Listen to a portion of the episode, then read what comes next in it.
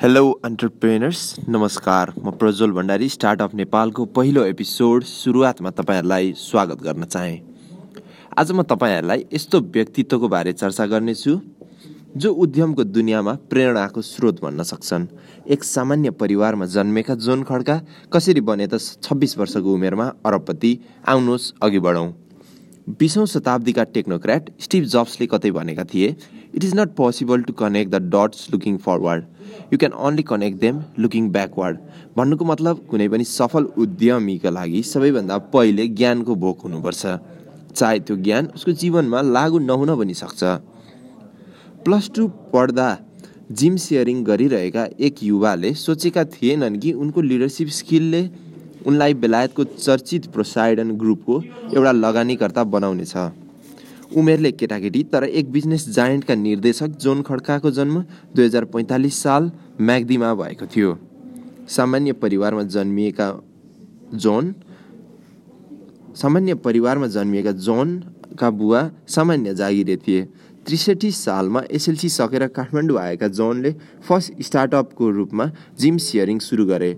जसले उनलाई seed fund उठाउन मद्दत मात्रै गरेन उनको लिडरसिप स्किललाई झनै निखारेर ल्यायो। युरोप बेस जायन्ट प्रोसाइडनले विश्वको सत्ताइस देशमा दक्ष कामदार पठाउने गर्छ जोन नेपालबाट कामदारलाई दक्षता प्रदान गरेर विश्वको विभिन्न देशमा पठाउँछन्।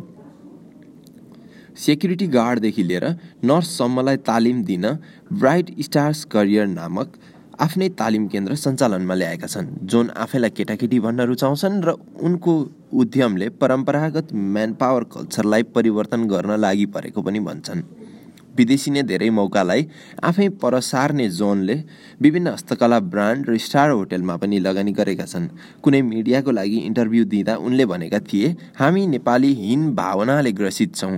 हामीलाई अरू मानिस ठुला लाग्छन् हामी अरूलाई महान देख्छौँ जबकि हामी विशेष मान्छे हौँ। हामी यो संसारमा धेरै काम गर्न सक्छौँ। हामी उनको यस भनाइबाट उनको पोजिटिभनेस र डेडिकेसन बुझ्न सक्छौँ। सबैलाई उद्यम गर्न प्रेरित गर्ने जोन हरेक युवाको लागि आशाका स्रोत हुन् मोटिभेसन हुन्। सो यो सँगै हामी आज अन्त्यमा सो यो सँगै हामी अन्त्यमा आइसकेका छौँ। सुनिदिनु भएकोमा धन्यवाद। अर्को एपिसोडमा हामी यस्तै गरी अर्का उद्यमी शुभम घिमिरेका बारे चर्चा गर्नेछौँ।